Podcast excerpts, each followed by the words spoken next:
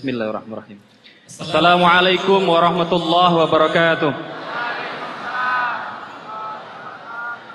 Alhamdulillahirabbil alamin. Allahumma salli ala Muhammad wa ala Muhammad. Saya tidak akan berpanjang lebar, saya hanya menghantarkan saja memandu acara ini. Hari ini saya berbahagia sekali karena luar biasa, pesertanya luar biasa, yang ditunggu pun luar biasa. Ketika tadi uh, Ustadz Somad masuk takbir, Ustadz Felix masuk takbir. Ketika saya masuk di pojokan ada yang innalillahi wa inna gitu. Masya Allah ya. Tadi yang datang Dude Herlino, wah, Tengku Wisnu, wah gitu. Kemudian Ricky Harun, wah ketika saya, wah Pepi gitu. Wah, Masya Allah ya. Alhamdulillah. Tapi kata uh, Mas Ari Untung ini Pepi syariah katanya gitu ya. Alhamdulillah. Alhamdulillah hari ini senang sekali ini pesertanya kalau kita hitung mungkin ini ada sekitar ya 70 ribu peserta ini ya. Karena memang hadir itu tidak hanya uh, kita, tapi ada makhluk-makhluk yang tidak terlihat. Ya, ada setan dan ada malaikat. Biasanya malaikat identik dengan kanan, setan identik dengan kiri, ya. Tengok kirinya sekarang. Alhamdulillah, ya terlihat semuanya setannya ya. Tapi karena ini adalah forum yang mulia, ini adalah majelis zikrullah, ini majelis yang mendekatkan kita pada Allah, maka yang hadir insya Allah tidak ada setannya, semuanya malaikat yang mendoakan kita dengan doa-doa yang baik. Kita doakan moga-moga orang tua-orang tua kita moga-moga sehat walafiat. Amin. Moga-moga yang sudah meninggal husnul khotimah. Moga-moga Ustadz Somad, Ustadz Felix, Ustadz Usman juga diberikan kesehatan. Moga-moga keluarga-keluarga kita menjadi keluarga yang sakinah, mawadah, warahmah. Moga-moga yang belum menikah, nah ini belum menikah ya. Yang jomblo, yang jomblo ya, jombloan jombloati ya, Tenang aja ya, jumlah itu bukan ujian ya. Jumlah itu kutukan ya, tenang aja. Yang jomblo-jomblo untuk yang laki-laki saya doakan moga-moga nanti mendapatkan istri yang salihah. Kaya raya. Cantik. Pinter masak. Anak tunggal. Orang tuanya sakit-sakitan gitu ya. Jadi warisannya banyak ya. Kalau yang putri-putri saya doakan moga-moga nanti kalau menikah mendapatkan suami yang salih. Ganteng kayak Dude Herlino. Gak mungkin ya. Karena sudah ada yang punya ya. Kemudian juga mendapatkan suami yang hafiz Quran. Kaya raya. Ganteng. Solih. Penyayang. Gak selingkuh setia, dan kayaknya Anda nggak lulus semuanya gitu ya. Syaratnya agak berat ini. Sudahlah nggak ganteng. Kalau sholat kul hukul hukul hukul hu gitu ya. Ya. Tapi tenang aja, hari ini ketika saya hadir ke sini, wajah-wajah yang di sini yang jumlah-jumlahwati ini melihat Anda bukan dari materinya, bukan dari hartanya, tapi hari ini yang dilihat dari kepribadiannya, betul? Ya, mobil pribadi, rumah pribadi, ya, sawah pribadi gitu ya.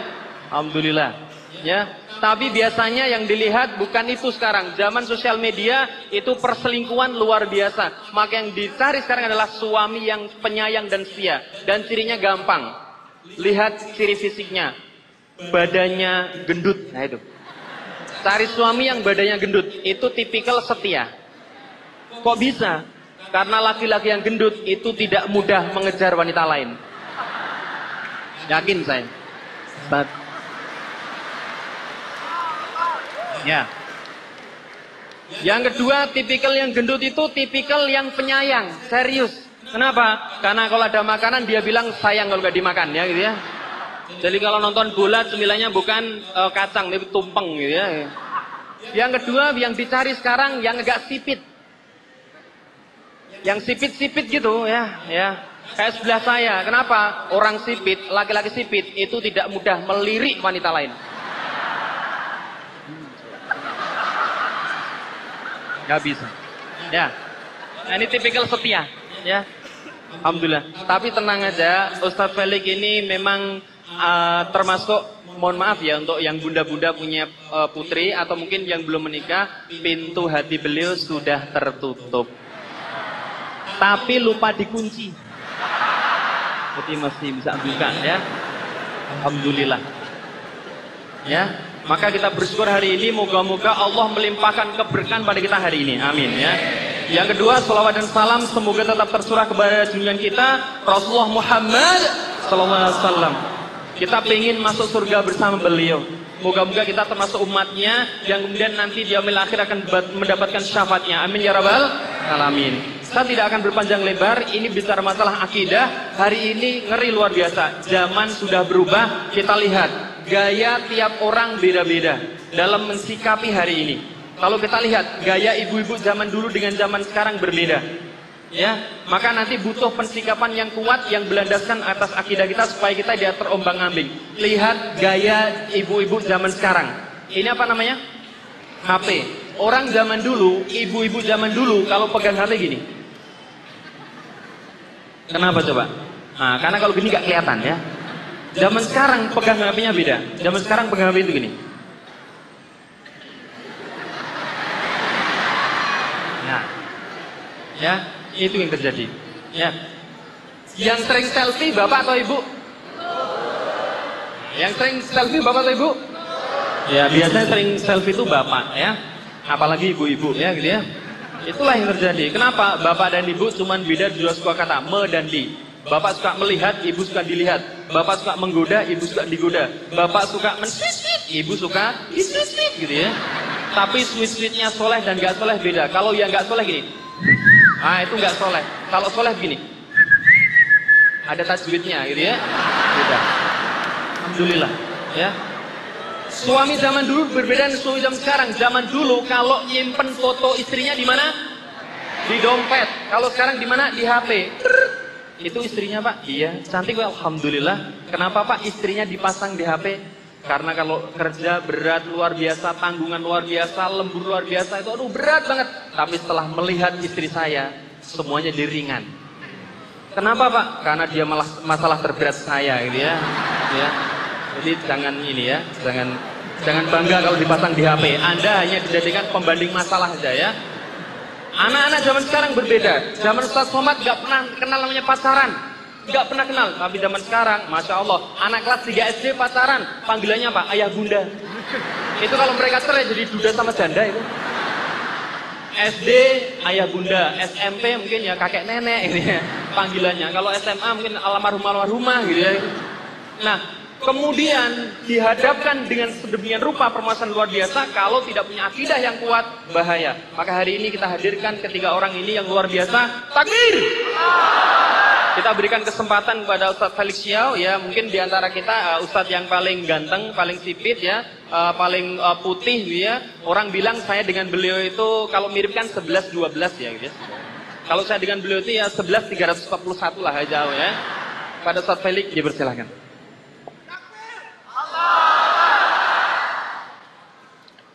Bismillahirrahmanirrahim. Assalamualaikum warahmatullahi wabarakatuh.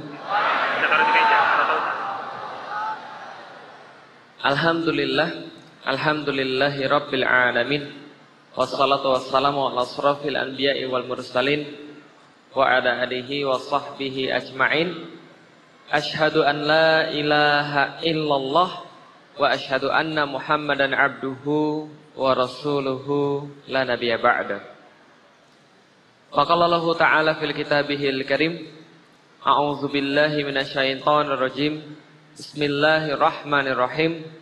Al-yauma akmaltu lakum dinakum wa atmamtu alaikum ni'mati wa raditu lakumul Islam madina. Alhamdulillah puji dan syukur senantiasa kita panjatkan kepada Allah Subhanahu wa taala. Allah karuniakan kepada kita pagi hari yang sangat luar biasa, pagi hari yang sangat istimewa. Lebih baik dari mana lagi kita dihadapkan pada guru-guru kita di depan sementara kemudian kita dihadapkan pada idola-idola anak-anak muda, idola ibu-ibu sekalian yang sudah mulai mendekat kepada Allah Subhanahu wa taala. Kita ada orang yang lucu di sini, alhamdulillah Allah. Kita berada dalam majelis ilmu yang luar biasa, maka tidak ada yang bisa kita ucapkan lebih besar daripada alhamdulillahi rabbil alamin.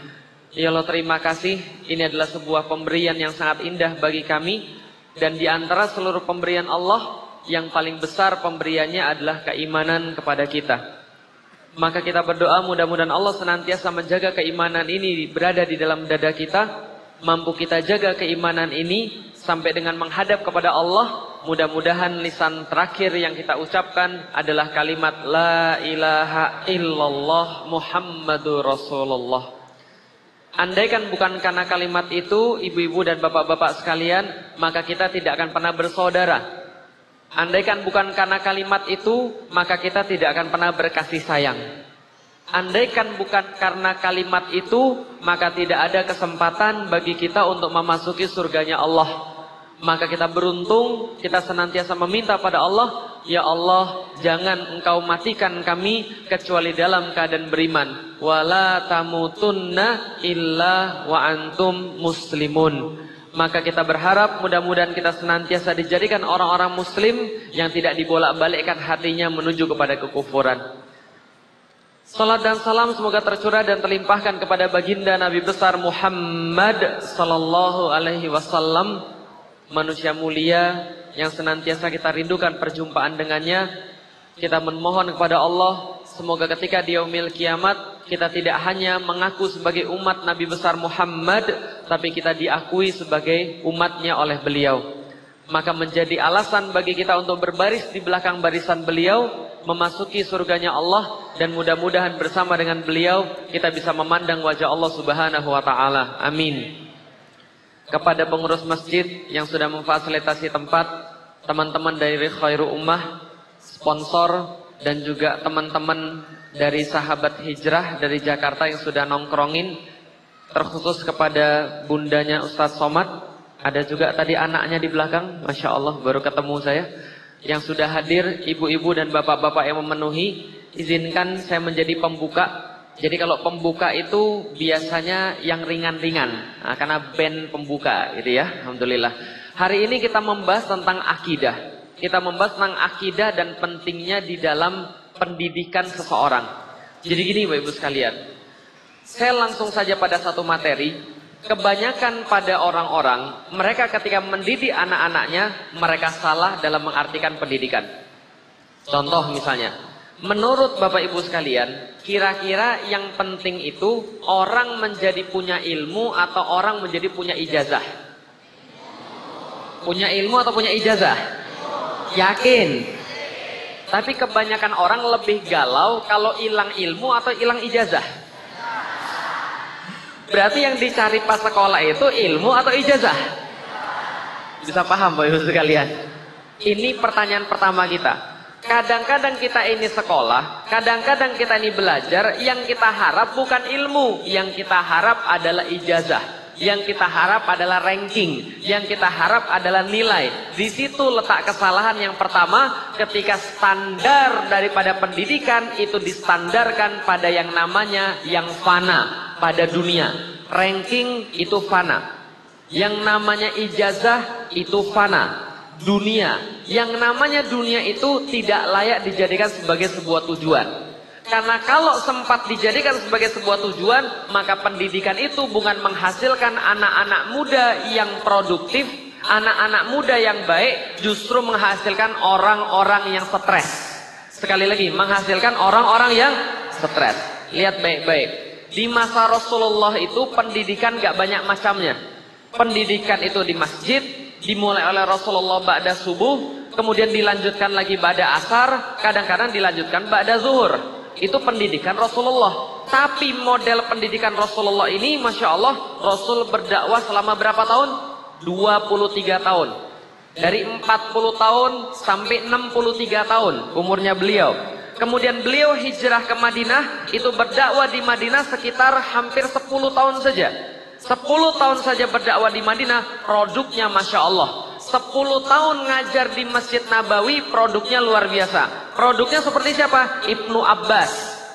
Mufasir pada zamannya, ngerti Al-Quran, pinter luar biasa. Itu salah satu produknya Rasulullah.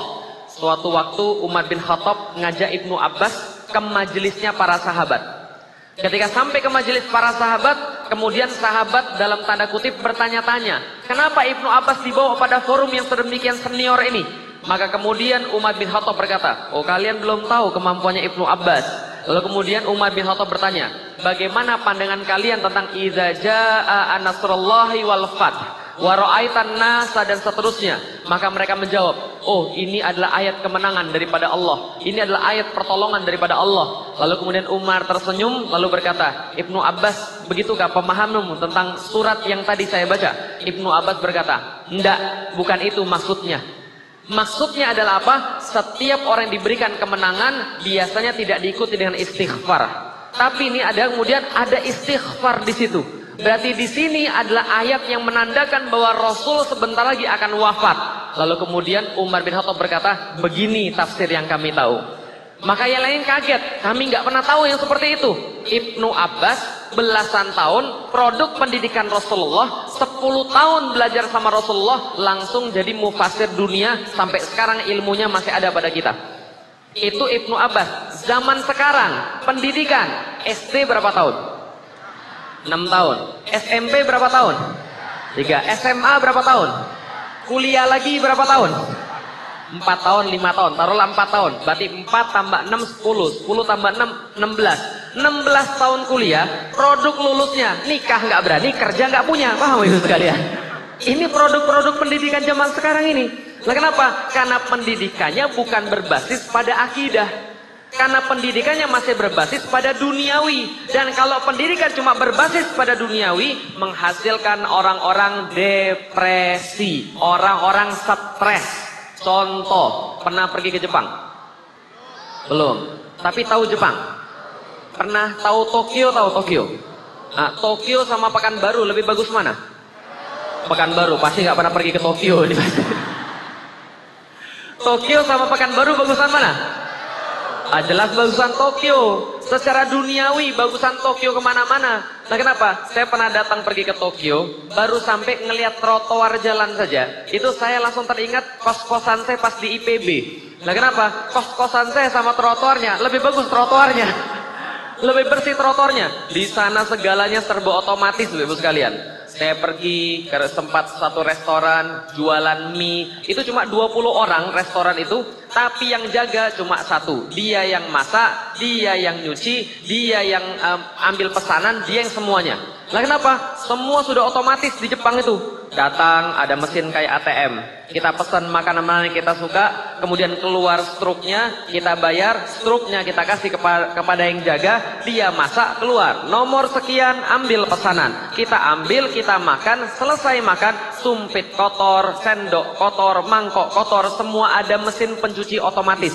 Mereka nggak perlu yang namanya pembantu. Semua di sana otomatis. Kereta nggak ada PHP, ibu sekalian. Kereta 30 detik lagi datang. Betul, 30 detik lagi datang. Lah di Indonesia kereta PHP, orang pula PHP, paham Ibu sekalian? Lah ini kemudian kejadian. Tapi kalau kita lihat bagus, bagusan sana, keren, kerenan sana Jepang. Tapi apa yang terjadi? Ternyata mereka bunuh diri orang Jepang itu satu hari 68 orang bunuh diri. Berapa lama bunuh? Berapa banyak bunuh diri? 68 orang bunuh diri. Gara-gara ngapain? Dimarin orang tua, bunuh diri. Dapat nilai ujian kecil, bunuh diri. Dimarahin, uh, dibully sama teman, bunuh diri. Lihat sinetron, ujungnya nggak suka, bunuh diri. Mau ya sekalian? Kejadian begitu. Lah kenapa? Karena mereka nggak bahagia ternyata. Kenapa? Pendidikan mereka hanya mencetak orang yang pintar, tapi tidak mencetak orang yang berkarakter. Ini intinya. Beda pendidikan Islam dengan beda pendidikan bukan Islam adalah pendidikan Islam bukan mencetak orang yang tahu, bukan mencetak orang yang mengetahui, tapi mencetak orang yang berkarakter. Ini yang nggak ada. Orang berkarakter ini yang nggak ada. Orang tahu banyak, saya bilang pada guru-guru, andaikan kalau andaikan Anda merasa pendidikan ini cuma transfer ilmu, cuma transfer pengetahuan, gak usah sekolah, buka Google, tahu lebih banyak. Paham ibu sekalian? Kalau cuma transfer ilmu, belajar lewat buku bisa, belajar lewat Google bisa, belajar lewat kemudian apa pun bisa. Tapi di dalam Islam, transfernya dalam pendidikan adalah transfer of karakter. Transfer apa? Karakter. Kalau transfer karakter, basicnya harus akidah. Dasarnya harus akidah. Gimana caranya transfer karakter? Ada tiga cara. Yang pertama, oleh ulama. wajib oleh ulama. Yang kedua dengan Al-Quran. Yang ketiga dengan sejarah. Yang pertama apa tadi? Ulama. Yang kedua dengan apa tadi? Yang ketiga dengan apa tadi? Dapatnya dari mana tiga ini? Dapat dari meneliti sejarah hidupnya Muhammad Al-Fatih. Muhammad Al-Fatih menaklukkan Konstantinopel pada usia 21 tahun. Sangat mudah sekali menaklukkan Konstantinopel, meraih janji Allah dan Rasulullah sebagai penakluk Konstantinopel dan rahasianya ada tiga. Satu ulama, dua Al-Quran, tiga sejarah. Yang satu apa tadi? Ulama. Perhatikan baik-baik, perhatikan baik-baik. Anda mungkin bisa dapat ilmu dari Google, tapi Google nggak bisa ngajarin adab. Anda bisa jadi tahu dari baca buku, tapi karomah tidak ada pada buku, adanya pada ulama. Paham Ibu sekalian? Contoh, tahu 411212?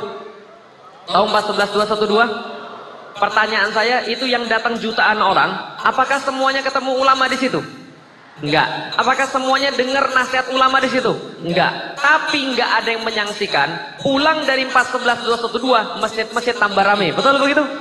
Subuh tambah rame, masjid tambah rame, umat muslim makin mau tahu tentang Islam. Itulah namanya hidayah dan hidayah itu jalannya lewat para ulama. Kenapa bisa begitu? Karena ulama itu punya sebuah karomah yang ketika kita dekat sama mereka, ketika kita ada bareng-bareng mereka, maka hidayah Allah itu turun. Karena hidayah nggak datang dengan cara belajar. Tidak datang hanya dengan cara belajar saja. Andaikan hidayah datang dengan cara belajar saja, maka orang yang belajar harusnya sama-sama paham. Tapi kita semua sama-sama tahu, ada orang sama-sama sekolah, satu pinter, satu nggak pinter-pinter. Betul begitu? Berarti ilmu bukan datang dari sana. Ada orang belajar belum tentu dapat ilmu, ada orang nggak belajar sudah, sorry, ada orang nggak belajar dapat ilmu. Contoh, pernah dengar satu hadis tentang ada orang yang membunuh 99 orang? Pernah dengar ya? Ada seseorang bunuh 99 orang, kemudian hati kecilnya menjerit, kemudian dia mau taubat kepada Allah. Ketika dia sudah mau taubat kepada Allah, dia datengin satu pemuka agama. Kemudian dia tanya, pemuka agama. Kalau zaman sekarang, Ustadz, saya mau nanya, saya masih bisa tobat gak ya? Emang kamu ngapain? Saya sudah bunuh 99 orang. Kata Ustadznya, parah itu. Satu aja dosa besar, apalagi 99. Allah tidak akan mungkin memaafkan kamu. Langsung kemudian marah dia, dibunuh pula. Kemudian pemuka agamanya. Berapa jadi yang dibunuh? Genap 100. Tapi hati kecilnya masih menjerit, masih mau tobat. Datang lagi pada satu pemuka agama. Dia tanya, saya sudah membunuh 100 orang. Kira-kira saya bisa tobat nggak ya? Emang kamu ngapain? Bunuh 99 orang plus satu pemuka agama yang bilang saya nggak bisa tobat. Akhirnya kemudian pemuka agama bilang, oke okay, baik, kalau kamu mau tobat, bisa. Allah maha menerima taubat. Tapi bukan sama saya. Pergi ke satu tempat, di situ ada seorang pemuka agama yang bisa membimbing kamu sana minta bimbingan dia. Jalan dia di tengah jalan, tiba-tiba di tengah jalan mati dia. Setelah dia mati, kemudian malaikat turun yang menjaga surga, yang menjaga neraka, berebutan. Kemudian orang ini ruhnya, apakah dimasukkan ke surga, apakah dimasukkan ke neraka. Yang yang malaikat surga bilang, dia sudah hijrah, dia sudah tobat. Ternyata yang neraka bilang, enggak, dia belum tobat. Enggak ada sedikit pun keluar dari kemudian mulutnya kata tobat. Dia belum sampai ke tempatnya. Ketika mereka berdebat, datanglah kemudian malaikat yang lain diutus oleh Allah Subhanahu wa taala mengatakan orang ini masuk surga. Kenapa orang ini masuk surga? Karena dia selangkah lebih dekat ke tempat pertaubatan. Pertanyaan saya, orang ini sudah taubat atau belum? Belum taubat. Orang ini secara harfiah belum taubat. Tapi sudah dihitung taubat atau belum? Ada orang-orang yang belum sampai tempatnya tapi sudah mendapatkan hidayah. Ada orang-orang yang belum sampai pada majelis ini tapi sudah dapat hidayah ada orang-orang yang di depan sini dengan yang di belakang bisa jadi yang di belakang lebih banyak dapat hidayah. Kenapa? Allah yang bagi hidayah. Allah yang bagi ilmu. Ilmu kata Allah miliknya. Dikasih pada siapa pun yang dia suka. Lewat apa? Lewat ulama. Berarti transfer karakter yang pertama lewat siapa? Ulama. Perhatikan kalau cari sekolah. Jangan hanya cari kurikulum. Jangan hanya cari gedung yang bagus. Tapi lihat ulama siapa yang ada di dalamnya. Kalau ulamanya ikhlas, Kalau ulamanya sesuai dengan Quran dan Sunnah, maka inilah yang akan membentuk anak-anak kita menjadi kepribadiannya lebih baik. Yang pertama, apa namanya? Ulama. Yang kedua, sejarah. Yang kedua apa? Wal tangzur nafsum ma qaddamat lighat.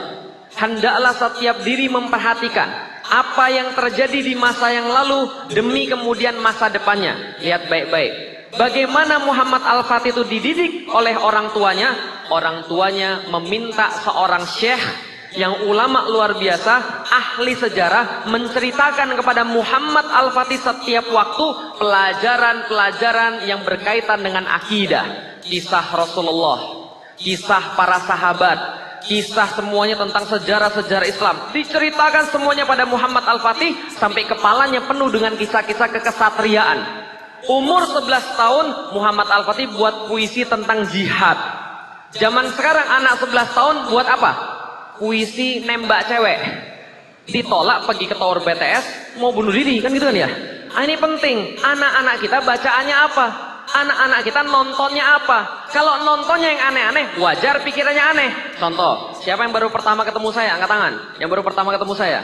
Oke, baru pertama kali, tapi saya bisa membaca dan mengendalikan pikiran Bapak Ibu sekalian. Gak percaya? Nah, kita coba ya. Ini efek pendidikan. Lihat. Kalau pendidikan tidak berbasis akidah, modelnya begini. Lihat ya. Saya bisa kendalikan pikiran Anda, khususnya yang lahir tahun 90-an ke atas. Perhatikan pertanyaannya. Tolong dijawab, tapi jangan diomongkan. Jawab dalam hati saja. Siap? Saya mau nanya, tapi jangan dijawab. Nanti jadi iklan. Jelas ya? Nanti jawabnya di dalam hati saja. Oke, pertanyaannya. Apa pun makanannya, minumannya, gak usah jawab. Kira-kira jawabannya sama atau tidak? Kenapa semua kepikir hal yang sama? Karena Anda terus-menerus dikatakan seperti itu. Itulah namanya pendidikan. Sejarah itu fungsinya memberikan referensi. Kalau sejarahnya yang aneh-aneh, perbuatannya yang aneh-aneh juga. Contoh, nih penelitian. Orang Inggris meneliti, ternyata dongeng anak-anak berpengaruh terhadap masa depan anak-anak. Apalagi dongeng anak-anak berpengaruh terhadap masa depan anak-anak. Dan dari situ saya baru tahu kenapa orang-orang Indonesia banyak maling. Tahu ibu sekalian? Lah kenapa? Pas masih kecil kisahnya salah. Apa kisahnya? Baik Bapak Ibu sekalian, sebutkan binatang paling cerdas. Kancil. Kenapa kancil binatang paling cerdas? Karena bisa mencuri timun. Masya Allah. Petani selalu dirugikan. Makanya di Indonesia petani susah. Yang maling dapat posisi. Paham ibu sekalian? Ini kejadian begitu. Makanya anak saya itu. Wah ini saya nggak nyinggung siapa-siapa ini. Gitu kan. Lah, maka anak saya kemarin, ini kejadian pada anak saya. Baru sebulan kemarin, tiba-tiba anak saya bilang, Abi, Abi, nama anak saya Alila. Abi, Abi, ini ada ada ada buku baru beli dari bazar. Berapa belinya? 8 ribu. Murah kali bukunya. Lalu saya bilang, mana coba bukunya bawa sini dulu. Oh, kancil mencuri timun. Saya bilang, Alila coba lihat daftar isinya. Kancil mencuri timun, kancil memperdaya buaya, kancil memperdaya ini, kancil memper... Semua perdaya semua. Sehingga apa yang diajarkan pada anak-anak kita tuh bohong. Sementara di dalam Islam akhlak paling utama adalah jujur. Berapa kali saya bilang pada anak saya, gak apa-apa nilai ujianmu kecil, yang penting kamu jujur. Karena pembelajaran itu adalah pembelajaran jujurnya. Tiba-tiba naik mobil, anak saya ada empat di belakang, bawa kentut. Kemudian saya bilang, siapa yang kentut? Gak ada yang mau ngaku. Saya bilang begini, e, e, anak-anak sekalian, Abi gak marah Abi nggak marah kalau siapa yang kentut, nggak marah Abi. Yang Abi marah kalau nggak jujur. Kita ajarin berkali-kali pada mereka. Sementara mereka diajarin kancil mencuri timun. Ada yang lebih parah lagi di Jawa. Cewek, sorry, cowok ngintip cewek mandi. Pernah dengar? Cowok ngintip cewek mandi. Ternyata ceweknya bidadari. Diambil selendangnya, dia nggak bisa terbang ke kayangan. Ujung-ujungnya dia nikah sama bidadari. Pelajaran moralnya adik-adik sekalian, maling kawin sama bidadari bagus. Paham sekalian. Makanya sekarang banyak bercita-cita jadi maling. Nggak malu mereka kalau jadi maling. Nah ini permasalahannya. Kenapa? Sejarah yang diceritakan salah baik sekalian. Sejarah yang diceritakan salah. Di antara kita berapa banyak orang-orang yang mengenal Rasulullah? Pengen anak kita baik atau pengen anak kita jahat? Pertanyaannya di rumah kita ada siroh nabawiyah atau tidak karena salah satu ciri kita serius mengajar anak kita adalah di rumah kita ada sirah nabawiyah, ulang beli. Belinya yang merek apa saat? Penulisnya Ibnu Hisham, dua jilid. Kalau mau yang satu jilid, Sofi Rahman Mubarak Furi. Satu, pajanglah di rumah, baca, kasih baca anak-anak. Atau ceritakan pada anak-anak. Kan ini pengaruh sekali. Karena kalau orang kemudian baca yang salah, nonton yang salah, kacau. Zaman sekarang orang nontonnya yang aneh-aneh. Ini misalnya nontonnya apa? Ganteng-ganteng sering gila. Misalnya, oh tapi ada satu di sini. Oh ini sudah nggak gila lagi tuh. Sorry mas. Ini enggak, ini ganteng-ganteng soleh.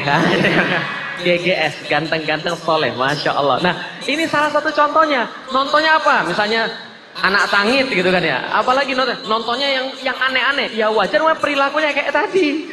Nah, ini kemudian coba kita lihat anak kita ini referensinya apa? Referensinya sahabat, referensi Rasulullah atau apa? Ingat, karena itu pengaruhnya ke mana? Mental. Nanti kalau ada orang sering kemudian baca Rasulullah, baca para sahabat, Khalid bin Walid, Musab bin Umar, dalam kondisi terdesak muncul kekesatriaannya.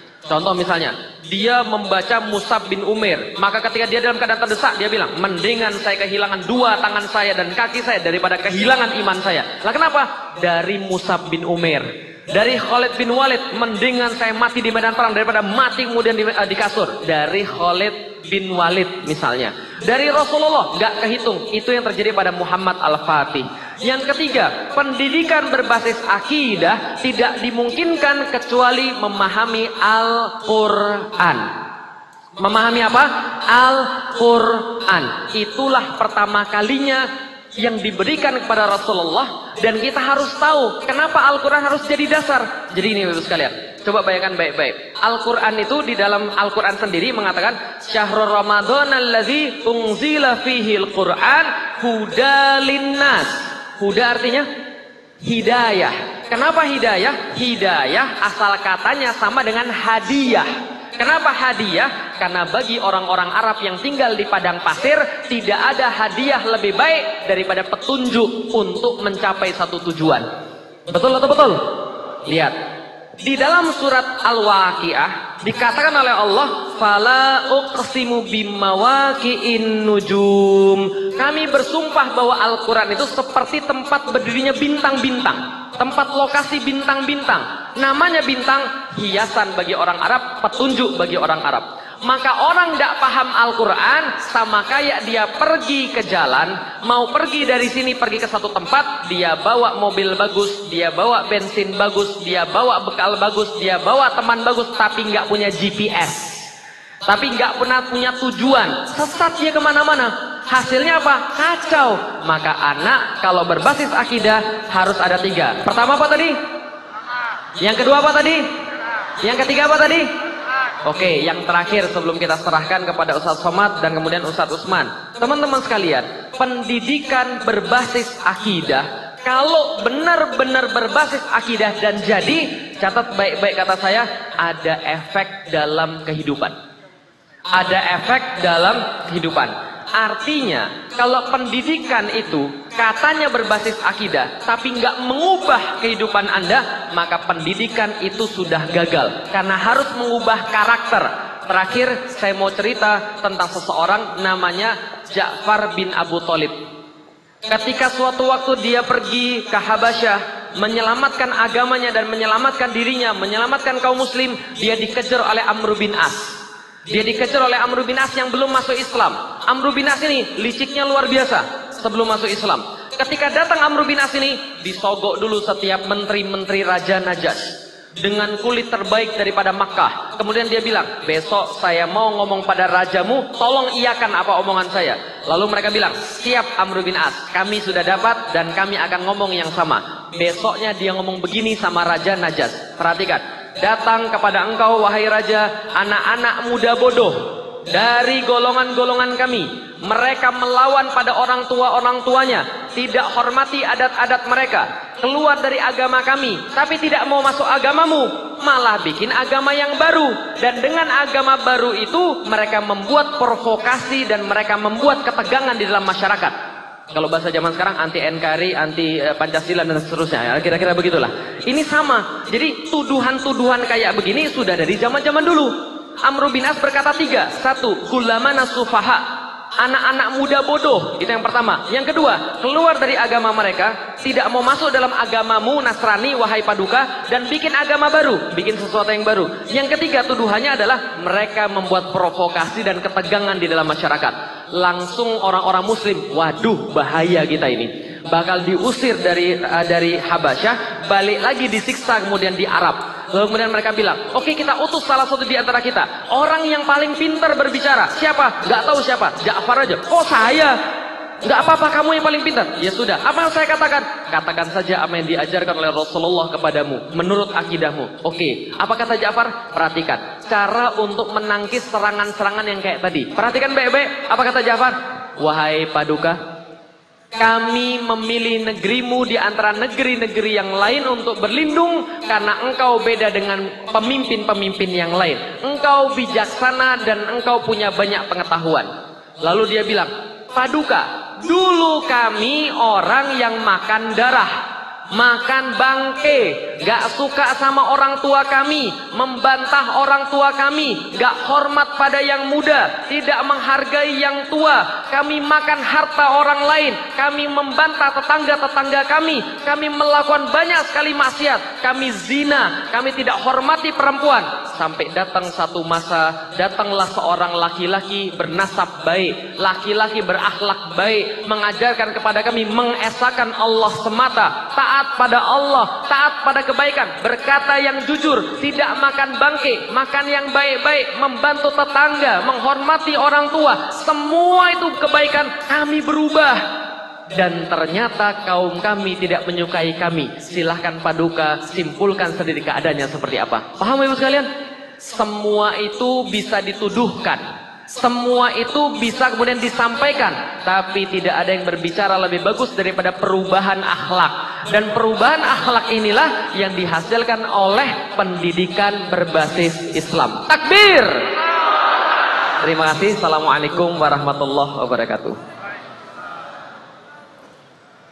Takbir. Tasbih. Konsentrasi ya, tasbih. Ya, ya. ya. Alhamdulillah ya. Luar biasa berapi-api memang jiwanya masih muda ya. Uh, dan ada simpulan-simpulan yang luar biasa kalau kita memang ingin anak kita soleh soleha, anak kita pengen punya karakter, maka yang pertama dekatkan dengan ulama, yang kedua Al-Quran, yang ketiga sejarah. Maka insya Allah tidak ada generasi baper. Ya, zaman sekarang beda banget dengan zaman dulu. Usamah bin Zaid usia sekitar 16 tahun sudah memimpin perang Muhammad Al-Fatih sudah menaklukkan Konstantinopel, ya. Usia 21 tahun. Nah, sekarang usia itu berapa? Ya, kebanyakan kayaknya ya 21 ke atas lah. Jangankan Konstantinopel ya, menaklukkan hati wanita aja belum bisa ya, gitu ya. Insyaallah. Beda dengan zaman sekarang, karakternya gak terbentuk, maka terjadilah namanya generasi baper, generasi TikTok. Aku lagi cantik, gitu ya aku lagi dimanja Iqbal. Apa sih gitu ya? Aneh banget lagunya itu aneh ya. Dan lebih aneh lagi saya hafal gitu ya. Aneh banget ya. Eh. Eh. Zaman saat somat gak ada istilah baper. Ada istilah tuh? Gak ada ya? Gak ada istilah baper. Zaman sekarang ya Allah. Jomblo zaman sekarang lihat tahu isi nangis. Ini cowok-cowok ini lihat tahu isi nangis. Kenapa? Tahu aja ada isinya. Kenapa hatiku kosong? Itu yang terjadi. Ya, Ketika ditanya mau makan apa mas? Saya makan eh, ini pecel lele aja, pecel ayam aja. Oh gitu. Minumnya apa? Teh manis apa teh tawar? Jawabnya apa? Saya nggak perlu yang manis, yang penting setia. Ya Allah gitu ya. Itu yang terjadi ya. Nah, inilah pendidikan karakter. Pertanyaannya adalah bagaimana teknis mewujudkan semuanya. Sebelum kita ke Ustadz Somad, maka kita persilahkan kepada Ustadz Usman. Kita teriakan takbir. Allah Akbar!